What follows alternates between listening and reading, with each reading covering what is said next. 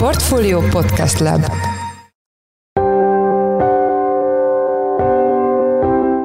Üdvözlünk mindenkit, ez a Checklist, a Portfólió napi podcastje március 30-án szerdán. Ebben a podcastben munkanapokon lapunk elemzői és más szakértők segítségével dolgozzuk fel a nap meghatározó gazdasági, pénzügyi témáit. A mai részben először a mém részvényekről lesz szó, melyek közül két emblematikus papír, a GameStop és az AMC árfolyama valósággal felrobbant a hétfői kereskedésben. A tőzsdés alapvetően egy magányos műfaj, ezzel szembe megy az, hogy az, hogy közösségi szinten történik ez az egész, és már, tehát már tényleg olyan lakossági réteg is elért, akik valószínűleg sosem tőzsdéztek előtte, úgyhogy mm, végül az egész abban manifestálódott, hogy egyes részvényeket kiválasztva, amiket most már mém részvény néven ismerünk, brutálisan felpompáltak az árfolyamukat, tehát ilyen napokon belül lehetett több százszerzékos emelkedést látni, az újra szárnyaló mémrészvényekről Kövesi Károlya, a portfólió részvényelemzőjével beszélgettünk.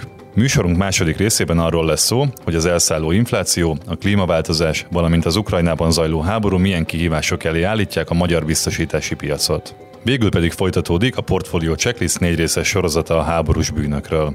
A sorozat keretein belül Varga Réka, nemzetközi jogász, a Nemzetközi Vöröskereszt volt munkatársát kérdeztük a témában. A tegnapi részben arról beszéltünk, hogy mi az a háborús bűn, milyen esetekben indíthat egy ország háborút egy másik ellen, a mai részben pedig arról lesz szó, hogyha kitört egy háború, akkor milyen alapvető szabályoknak kell megfelelniük a háborúzó feleknek. A négy részes sorozat bővített kiadása szombattól teljes egészében is elérhető lesz a Portfolio Checklist podcast csatornáján. Én Pitner Gábor vagyok, a Portfolio Podcast Lab szerkesztője, ez pedig a Checklist március 30-ai adása. Valósággal felrobbant a hétfői kereskedésben a videójáték kiskereskedő GameStop és a mozilánc üzemeltető AMC részvénye.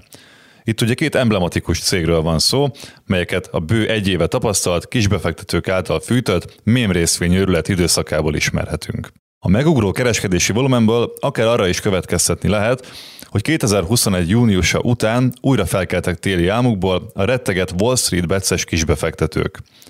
Itt van velünk telefonon Kövesi Károly, a portfólió részvény elemzője. Hello Karesz, üdvözöllek a checklistben.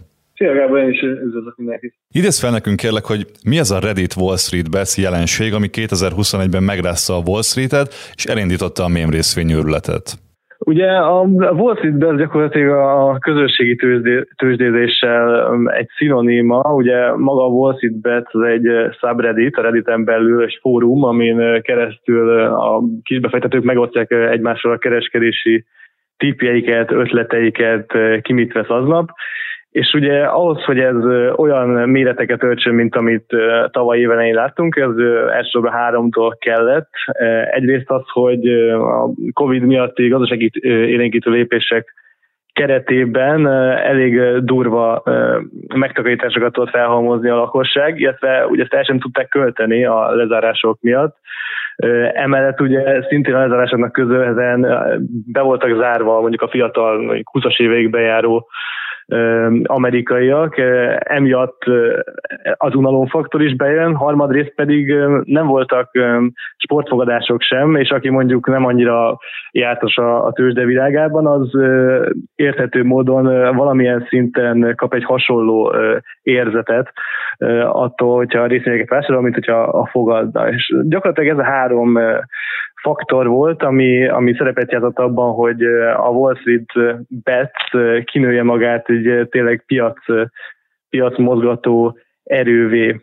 Ugye a tőzés alapvetően egy magányos műfaj, ezzel szembe megy az, hogy, az, hogy tényleg közösségi szinten történik ez az egész, és már, tehát már tényleg olyan lakossági réteg is elért, akik valószínűleg sosem tőzsdéztek előtte, úgyhogy mm, végül az egész abban manifestálódott, hogy egyes részvényeket kiválasztva, amiket most már mém részvény néven ismerünk, brutálisan felpompáltak az árfolyamukat, tehát ilyen napokon belül lehetett több százszerzékos emelkedést látni, Ezt követően pedig ugye sorra jöttek a hírek arról, hogy különböző hedge fundok, akik sortolták ezek a részvényeket, ki kellett őket menteni, vagy brutális veszteségeket szenvedtek el. Egy idő után a felügyelet is felfigyelt rá, végül az amerikai kongresszus előtt is volt tárgyalás az érintett felekkel, a, a Robinhood például, amelyik az egyik leg felkapottabb tőzsdékereskedési platform korlátozta a, azt, hogy mennyi részvényt vásárolhatnak ezekből az adott részvényekből a, a befektetők. Tehát talán, talán ez a Robin Hoodos volt, a, ami a, a botránynak a, a, a tetőpontja volt. Innentől már inkább a lecsengés volt jellemző, de most az látszik, hogy azért ez a reddites társaság ez teljesen nem tűnt el, és azért, hogyha kell, akkor még most is lehet őket mozgósítani. Mit jelent a short squeeze kifejezés, és hogyan kapcsolódik a Wall Street Bets jelenséghez? Igen, a short squeeze az talán a legfontosabb uh, ilyen kifejezés, uh, ami az egész mém részvényszoriban uh, felmerülhet. Ugye amikor sortoljuk a részvényt, akkor gyakorlatilag kölcsön veszünk részvényeket, amiket eladunk, és alacsonyabb áron visszavesszük, gyakorlatilag ez, ez képezi a nyerességünket. Viszont, hogyha, tehát, hogy amikor esik az árfolyam, gyakorlatilag azon tudunk nyerni, viszont, hogyha az árfolyam nem esni fog, hanem emelkedni, akkor kénytelenek leszünk egy idő után zárni ezeket a pozíciókat, és ez egy ön, vissza kell venni részvényeket, ez egy öngeresztő folyamatként még magasabbra löki az árfolyamat, ez állt elsősorban a mémrészvények árfolyamelkedése mögött, és hogy egy kicsit árnyalom a sztorit, azért az, hogy, az, hogy ezekben a részvényekben akkora sortállomány volt, amire végül le tudta magát vetni a reddites társaság, az azért nem volt téletlen. Tehát, hogyha mondjuk megnézzük a, a GameStop-ot, ami ugye egy videójáték kiskereskedő, ez az üzleti modell az intézmény befektetők szerint is teljesen elavult, tehát hogyha valaki játékot akar mostanában venni 2022-ben, akkor nem a boltba bemegy, hanem fogja és felmegy mondjuk a PlayStation Store-ra, és ott megveszi online. És ezt egyébként már a cég is belátta, már van egy aktivista befektető, aki a cégnek az elnöke lett, még egyébként a, a short squeeze és próbálják az elkereskedelmi felé el navigálni a céget. De még ami lényeg, emiatt nagyon-nagyon sok befektető sortolta a részét, óriási volt benne a sortállomány, és ezt használták ki a redditesek azáltal, hogy elkezdték venni a részvényeket, ez rákényszerítette a sortosokat arra, hogy zárják a pozíciókat, ez pedig egy öngéreztő folyamatként. Egyre följebb tolta az árfolyamot. Nem véletlenül beszélünk most a mém részvényekről. A GameStop és az AMC nagyot ment az elmúlt napokban. Kezdődik újra a rally, amit már láttunk korábban? Ez azt jelenti? Igen, hogy az elmúlt két hétben az EMC duplázott, a GameStop pedig 150%-ot ment, tehát látszik az, hogy megint van érdeklődés, és tényleg lehet mozgosítani a, a, a Reddites csapatot. Ennek a, az emelkedésnek ugye elsősorban két oka van. Egyrészt az utáni hírek miatt azért jelentősen javult a befektetői hangulat az elmúlt hetekben, tehát a spekulatív tőke is kezd visszajönni a piacra. Emellett mindkét cég közé olyan információkat az elmúlt napokban, ami táptalajként szolgált a rallyhoz. Ugye a GameStop esetében, ahogy már említettem, a Ryan Cohen nevű aktivista befektető 100 ezer részvényt vásárolt, ugye ez benfentes részvény részvényvásárlásnak számít, ami általában indikatív jellegű, amiért is emelkedett részben az árfolyam. Az EMC pedig bejelentette, hogy részvényést szerez egy arany és ezüstbányász cégben, ami szintén árfolyam emelkedést váltott ki, ugyan a mozilánc és a bányászati tevékenység között véhetően nincs jelentős szinergia. Azzal kapcsolatban, hogy ez a rally újra kezdődik-e, én azt mondom, hogy azok a faktorok, amik 2021 elején játszottak, azok most, azok most nincsenek meg. Nincs az a brutális pénzbőség, emelkednek a kamatok. A pandémia is valószínűleg visszatér most a következő hullámba, ettől függetlenül jelenleg azért nem olyan a pandémia eset, mint 2021 elején. Illetve, ha már itt beszéltünk a short squeeze a, a GameStop-ban a short állomány az 16%, az ANC pedig 20%, ami relatív magasnak számít, mondjuk egy átlagos részvényhez képest, de a tavalyi szintekhez képest azért azért jóval elmaradt, tehát hogy arra a kérdésre válaszolva, hogy látni fogunk olyat, mint mondjuk tavaly év elején, én azt, azt várom, hogy valószínűleg nem. Most rengeteg mémet látni a két részvénynek a hirtelen felpattanása miatt. Hogy lesz egy részvényből mém, és mi a meglátásod? Azt a részvényt, amit ilyen módon kap fel az internet népe, érdemes lehet vásárolni egyébként? Arra a kérdésre válaszolva, hogy hogyan lesz mém részvény, hát hogy te is mondtad, az mindenképp egy fontos szempont, hogy az internetnévből fel hogy kapja, és tényleg szülessenek belőle mémek. Ez, konkrétan az összes részvényből folyamatosan érkeztek a mémek mondjuk 2021 elején. Emellett még a magas sortállomány az is mindenképp egy fontos szempont, bár azt hozzá kell tenni, hogy azért ez nem nem egy szükséges kritérium, hiszen például amikor Trumpnak a média, social media cége bejelentette, hogy tőzsdére megy, annak az árfolyamát is brutálisan felpumpálták, pedig, és abból is születtek a mémek, pedig ott nem volt szó short squeeze tehát ez nem feltétlenül egy szükséges szempont, de amit még érdemes kiemelni, hogy általában fundamentális driverek nagyon nincsenek ezeknél a részvényeknél, és végül arra a kérdésre, hogy érdemes lehet-e mondjuk egy ilyen részén beszállni, én azt mondom, hogy jobbuli benne lenni, de annál több pénzt semmiképp sem érdemes betenni, mint amennyit hajlandók vagyunk teljesen elveszíteni, mert ez már tényleg az extrém kockázatos kategória, és pillanatok alatt az lehet, hogy árfolyam összeomlott, meg ott állunk a, mondjuk a csúcson, és tartjuk a zsákot. Köszönjük szépen! Kövesi Károly, a portfólió részvényelemzője volt a vendégünk. Köszönjük, Karesz, hogy velünk voltál. Én is köszönöm, sziasztok! A járvány után a háború gazdasági következményeivel és az egyre magasabb inflációval kell megküzdenie a magyar biztosítási szektornak, miközben a klímaváltozás elleni küzdelem is egyre húsba vágóbb kérdés számára. A biztosítási piac átalakulásától a termékfejlesztésen át az értékesítésig sok mindenről szó esett a portfólió tegnapi Biztosítás 2022 konferenciáján. Itt van velünk Palkó István, a portfólió vezető elemzője. Hello István, üdvözöllek a checklistben. Szia, köszöntöm a hallgatóinkat. Miről számoltak be a konferencián a biztosítás szektor vezetői, hogyan vészelte át a biztosítási piac a pandémia időszakot, és milyen termékek húzták felfele ezt a szektort? A járvány kezdetén volt egy kis lassulás a magyar biztosítási szektorban, eh, hiszen az értékesítés is leállt, azért pár hétre nem tudták a biztosítók, hogy hogy érjék el az ügyfeleiket az új környezetben. Ugye emiatt aztán egy nagyon gyors digitális átállás is bekövetkezett. Ennek a hatásai azonban tavaly már nem igazán érzékel, eh, érződtek, ezért a teljes biztosítási szektor díjbevétele több mint 10%-kal emelkedett. Ez a legfontosabb mutató a biztosítási piacon, amit eh, mérni szoktunk, ez a díjbevétel. Magyarán az az összeg, ami amit befizetünk bármilyen biztosításra itt Magyarországon. Így összességében 1330 milliárd forint volt az összeg, amit biztosításra költöttünk, ekkora volt a szektor díjbevétele.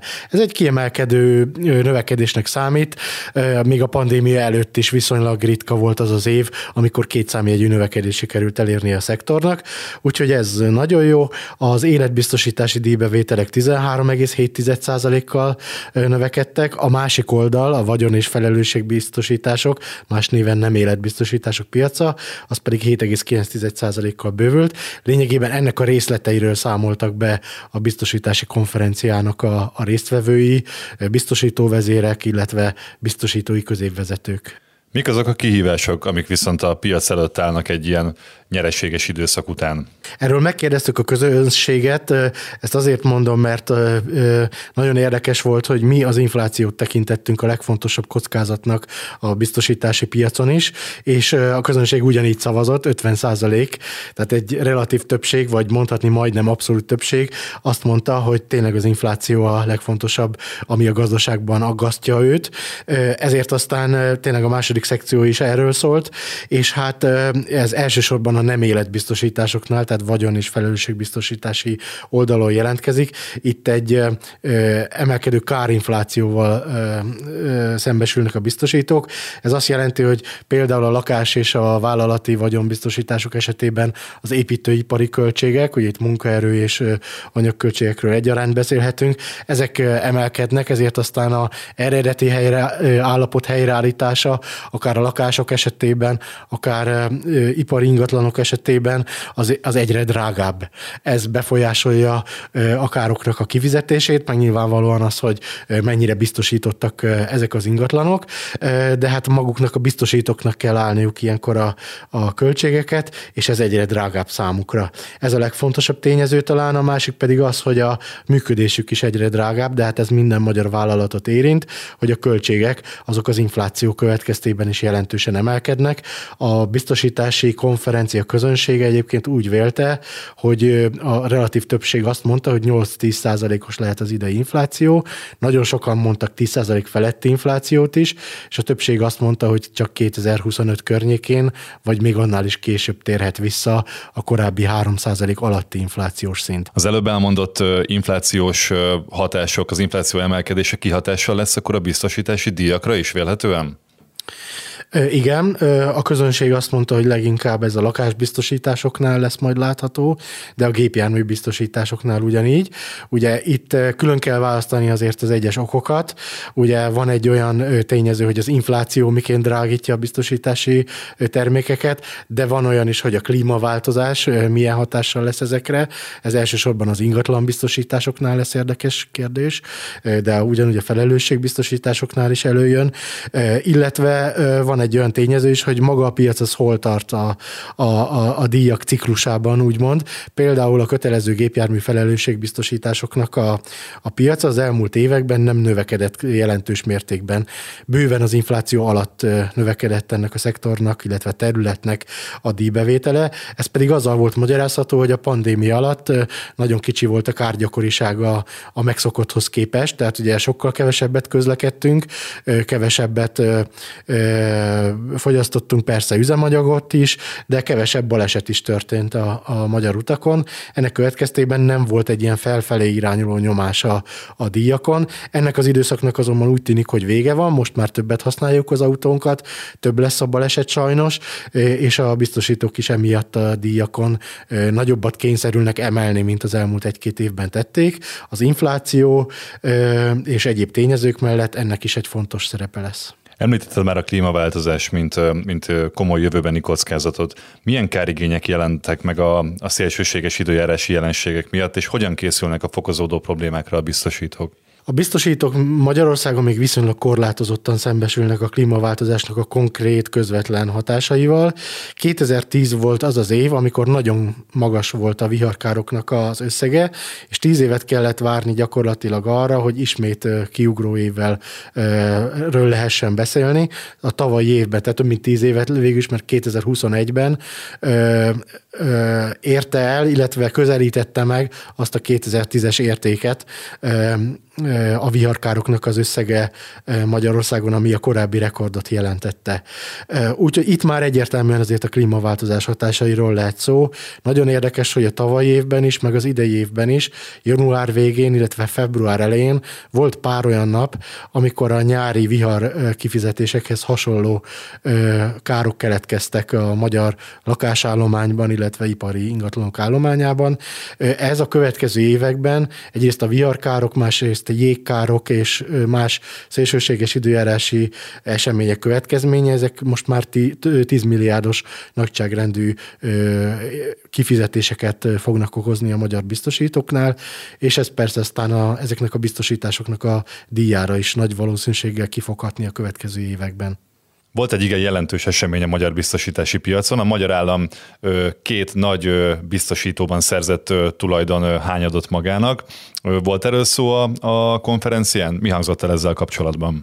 Keveset lehet még tudni erről a tranzakcióról, legalábbis arról, hogy a magyar államnak mi a szándéka ezzel a két biztosítóval. Azt azonban már tudjuk, hogy lezárult ez a tranzakció, a múlt héten bejelentették, hogy 45-45 százalékban beszáll az állam az Egonba és az Uniónba. Hát megkérdeztük ott az Unión biztosító elnök vezérigazgató asszonyát, ő túl sok konkrétumot még nem mondott, de azt elmondta, hogy ez a multibrand stratégia, ez bevált a VIG Groupnak. Ugye itt arról van szó, hogy a többségi tulajdonos az a, a a, a Bécsi Vienna Insurance Group, és ez azt jelenti, hogy nagy valószínűséggel következő években, vagy akár évtizedekben külön fog működni a két biztosító továbbra is. Nyilván szinergiák lehetnek a két társaság között, bizonyos háttérrendszereket például közösen üzemeltetnek, ez jó a befektetőknek, mármint az osztrákoknak és a magyar, magyar államnak is, tehát van itt egy költségmegtakarítási lehetőség. Ugyanaz, a, a, ugyanakkor ez továbbra is nagy talány, hogy mit kezd a magyar állam ezzel a két biztosítóval. A pénzügyminisztérium egyelőre azt kommunikálta, hogy stratégiai befektetésről van szó, ugyanakkor nem abban az értelemben stratégia, hogy ezt mi megszoktuk, mert nem mint biztosítási piacot befolyásoló szereplőként apostrofálja magát egyelőre az állam, hanem azt mondja, hogy a stratégiai vagyont sikerült ezzel növelni. Ilyen értelemben stratégiai ez a biztosító vásárlás, de hogy mi a célja, mi a konkrét célja a biztosítási piacon ezzel, az egyelőre nem derült ki. A biztos biztosítási szakma, legalábbis a közönségnek a nagy része azt mondja, közel kétharmad szavazott erre, hogy a magyar állam az további terjeszkedésnek alapoz meg ennek a két biztosítónak a, a kisebbségi részesedésének a megvásárlásával. Magyarán nem ők lesznek az utolsó szereplők, akikben tulajdonrészt vásárol a magyar állam. Persze ezzel még mindig nincs megválaszolva az a kérdés, hogy mégis miért teszi ezt. Hát ez majd a következő évek zenéje lehet. Köszönjük szépen. Palkó István a portfólió vezető elemzője volt a vendégünk. Köszönjük István, hogy velünk voltál. Köszönöm szépen, sziasztok! Most pedig következik a Portfolio Checklist háborús bűnökről szóló négy részes sorozatának második része. A sorozat keretein belül Varga Réka nemzetközi jogász, a Nemzetközi Vöröskereszt volt munkatársát kérdeztük a téma több aspektusáról. A tegnapi részben arról beszéltünk, hogy mi az a háborús bűn, és milyen esetekben indíthat egy ország háborút egy másik ellen. A mai részben pedig arról lesz szó, hogyha kitört egy háború, akkor milyen alapvető szabályoknak kell megfelelniük a háborúzó feleknek. Tegyük fel, hogy kitért a háború, utána milyen szabályoknak kell megfelelnie egy, egy országnak a, a háborúzás közben? Nagyon jól tette fel a kérdést, hogy ez a kettő elválik, és ugye ezt hívjuk háború jogának, vagy Jusimbellónak, tehát ha már kitört a háború, akkor vannak olyan nemzetközi jogban megállapított szabályok, amiket tiszteletben kell tartani. És azért hangsúlyozom ezt a, a különbségtételt, mert főleg politikusok előszeretettel összemossák. Tehát hallhatunk olyat általában, és most ezt általánosabban mondom, mind a támadó, mind a védekező felől, hogy támadó azt mondja, hogy őt gyakorlatilag rákényszerítették a támadásra, és muszáj volt, a védekező pedig azt mondja, hogy ő áldozat. Ez a Jusszat belünk kérdése lesz, de ha már elindult a háború, akkor a, a nemzetközi humanitárius jog, így hívjuk ezt a jogterületet, mindenféle egyaránt kötelező lesz. És ez egy olyan értelemben egy ténybeli alapokon ö, nyugvó kiindulási pont, hogy először is azt kell megállapítani, hogy nemzetközi jogi értelemben van-e háború, fegyveres összeütközésnek mondjuk. Itt alapvetően kétféléről beszélhetünk, nemzetköziről és nem nemzetköziről. Ez a különbségtétel kezd eltűnni, de azért még mindig, mindig van. Egy nem jogosan indított háborút is lehet-e jogos eszközökkel vívni? Akárki is volt az agresszor, és akárki is volt az áldozat, mind a kettőre ugyanazok a szabályok lesznek alkalmazandók, és igen, tehát ugye a kérdés úgy hangzott, hogy lehet-e szabályos háborút vívni azután, hogy mondjuk agresszió történt? Igen, lehet, hiszen a kettőnek semmi ö, köze nincs egymáshoz. Ezt a katonák miatt csinálták, hogy attól, hogy egy politikai vezető mondjuk háborút indít a másik ország ellen, attól még a, a katonákra vonatkozzanak olyan jogelvek, amit akkor is be tud tartani, hogyha egyébként az egy nem jogos háború? Ez azért alakult ki, mert, mert rájöttek arra, hogy a háború az mindenképpen rossz dolog, és mindenképpen kegyetlen dolog, de hogy lehetnek olyan megfontolások, amiket még ilyenkor is be kell tartani. És ez egyébként a, eredetileg, ha nagyon régre megyünk vissza, akkor praktikus szabályokból indult ki, például, hogy az ellenfél területén, vagy a megszállt területeken ne, nem érgezzük meg a kutakat, Posztán azért, mert hogyha utána milyen lesz, akkor mi is, rosszul, mi is rosszul járunk így. De igazából a mai formájában ez a sebesült és sérült katonák ellátása iránti igényből fogalmazódott meg. Olyan nagyon nem szeretnék történelmi távlatokba menni, csak hogy értsük, hogy onnan jött, hogy régen nem volt semmilyen olyan rendszer, ami a sebesült sérült katonákat védte volna, vagy akár szervezte volna, hogy ők ellátást kapjanak, és ezért a szükségesnél sokkal több áldozattal járt a háború. És ez, a, ez volt a felismerés, ez a, egyrészt az elismerés annak, hogy van háború, tehát lesznek áldozatok, másrészt viszont az az igény, hogy ezért ezen belül is próbáljunk humanitárius megfontolásokat ebbe belevinni. És ebből nőtte az ki magát, hogy igazából a legfontosabb szabályokra ö, ö, is kérdezett, hogy nagyon alap, alapelve ennek, hogy megkülönböztetik, hogy kit lehet támadni, kombatáns lehet, és polgári szemét, illetve más védett személyeket, illetve objektumokat nem. És itt megint csak visszautalnék arra, hogy ez a lényege, hogy van háború, van katonai célom, támadom az ellenfelet, de de a szükségesnél jobban ne legyen pusztító, és olyanok ne essenek áldozatul, akik igazából ebben nem vesznek részt. Tehát ez innen egy alapvetően humanitárius megfontolásokból indult ki, és erre az egyensúlyozásra alapulnak a mai szabályok. Ugye Ukrajnában most felmerül az, hogy civil lakosság is ragadjon fegyvert. Ugye már az elején osztottak, osztottak fegyvert a civil lakosság számára. Ezt ismeri-e valahogy a, a nemzetközi jog, vagy innentől ők nem számítanak civilnek, hanem katonának számítanak? Igen, ezek elő szoktak fordulni. Ugye az egésznek az alapelve, a humanitárius jog alapelve ez a megkülönböztetéssel, vagy civil tám- vagy bocsánat, katonai célpontot, kombatáns támadhatunk, civilt nem. És ez megint csak egy kétirányú dolog, Ugye ez az elv csak akkor tud érvényesülni, hogyha aki kombatásnak néz ki, az, az harcol, és aki civilnek néz ki, az nem harcol, hiszen különben nem tudjuk érvényre jutatni ezt az elvet. Hogy néz ki, vagy hogy tudom megkülönböztetni, hogy valaki katonának néz ki, vagy civilnek? Bárhogy. Tehát az első kiegészítő jegyzőkönyv igen azt mondja, hogy ha már nyíltan viseli a fegyverét, és bármilyen megkülönböztető jelzést visel, tehát az, az ellenfél számára egyértelmű, hogy ő nem civil, tehát nyíltan harcol, akkor az már adott esetben elég lehet ahhoz, hogy őt kombatánsnak ismerjük el, és azért fontos, hogy valaki kombatánse vagy nem, mert a háborúban részt venni csak kombatánsnak van joga. Ugye ez egy, ez egy kvázi privilégium, tehát ez egy, ez egy plusz jog, amit adunk a kombatásnak, hogy ő részt vehető támadhat, és ez csak a kombatásnak van, a civilnek nincs. A, és ezért a kombatáns támadható, a civil nem támadható. Visszatérve a kérdésre, hogyha fegyvert ragadnak, ő nem válik kombatánsá automatikusan, illetve hát ez attól fog függni. Ugye az ideális az lenne, hogyha akkor ő csatlakozna a fegyveres erőkhöz, és ezt úgy tenné, és úgy is néz neki, mert akkor érvényesülhet a megkülönböztetés elve. Ha pedig erre nincs mód, mert nyilván erre nincs mindig mód, akkor legalábbis nyíltan viselje a fegyverét, és valami, valamilyen módon mutassa, hogy ő résztvevő. Hogyha ha, ha ez nem valósul meg, akkor a védettségét, és ettől függetlenül részt vesz az ellenségeskedésben, akkor a védettségét veszíti el, azaz arra az időre, amíg ő részt vesz, addig ő támadható, hiszen elvesztette a védettségét, de nem válik kombatánsá, és ez jogilag azért fontos, mert akkor ő nem vehet, tehát ő már azért is büntethető, hogy részt vett az ellenségeskedésben. Tehát ha őt elfogják, elfogja az ellenfél, akkor a saját nemzeti joga alapján eljárhat ellene, hogy miért vett részt civilként. És ugye ezért mondom, hogy a megkülönböztetés elve ez két, két irányú dolog, mert hogyha kombatások, civilek, mindenki elkezd harcolni, és mondjuk rejtett fegyverrel, nem is látom, hogy ki micsoda, akkor az egésznek nem lesz értelme. Azért, hogyha visszanézünk az iraki-afganisztáni konfliktusra, Szíriára, ebből nagyon komoly gondok voltak és adott esetben ez a polgári lakosságra is nagyon rossz hatással van, hiszen a végén tényleg nem tudom, hogy kit támadhatok és kit nem. Tehát ezért fontos ennek a megtartása.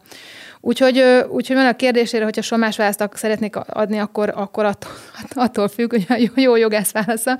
Hogyha csatlakozik a, a hadsereghez, akkor nyilván kombatánsá válik, de hogyha ö, ö, ö, civilként megkülönböztetés nélkül, akár rejtett fegyverrel, ö, lesből támad, akkor nem válik kombatánsá, de a védettségét elveszti, tehát erre az időre ő támadható lesz.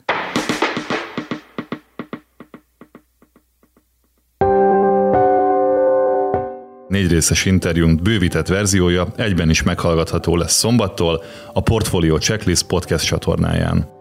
Ez volt a Checklist, a Portfolio napi podcastja március 30-án szerdán. Ha tetszett, iratkozz fel a podcast csatornánkra a Spotify-on, az Apple Podcast-en, vagy a többi nagyobb podcast felületen. Ha a Spotify-on a podcast csatornánknál rákattintasz a csengőre, akkor értesítést is kapsz, amint elérhetővé válik egy új epizód. Az adás elkészítésében részt vett gomkötő Emma és Forrás Dávid, a szerkesztő pedig én, Pitner Gábor voltam. A következő adással holnap 5 óra körül jelentkezünk, további szép napot, sziasztok!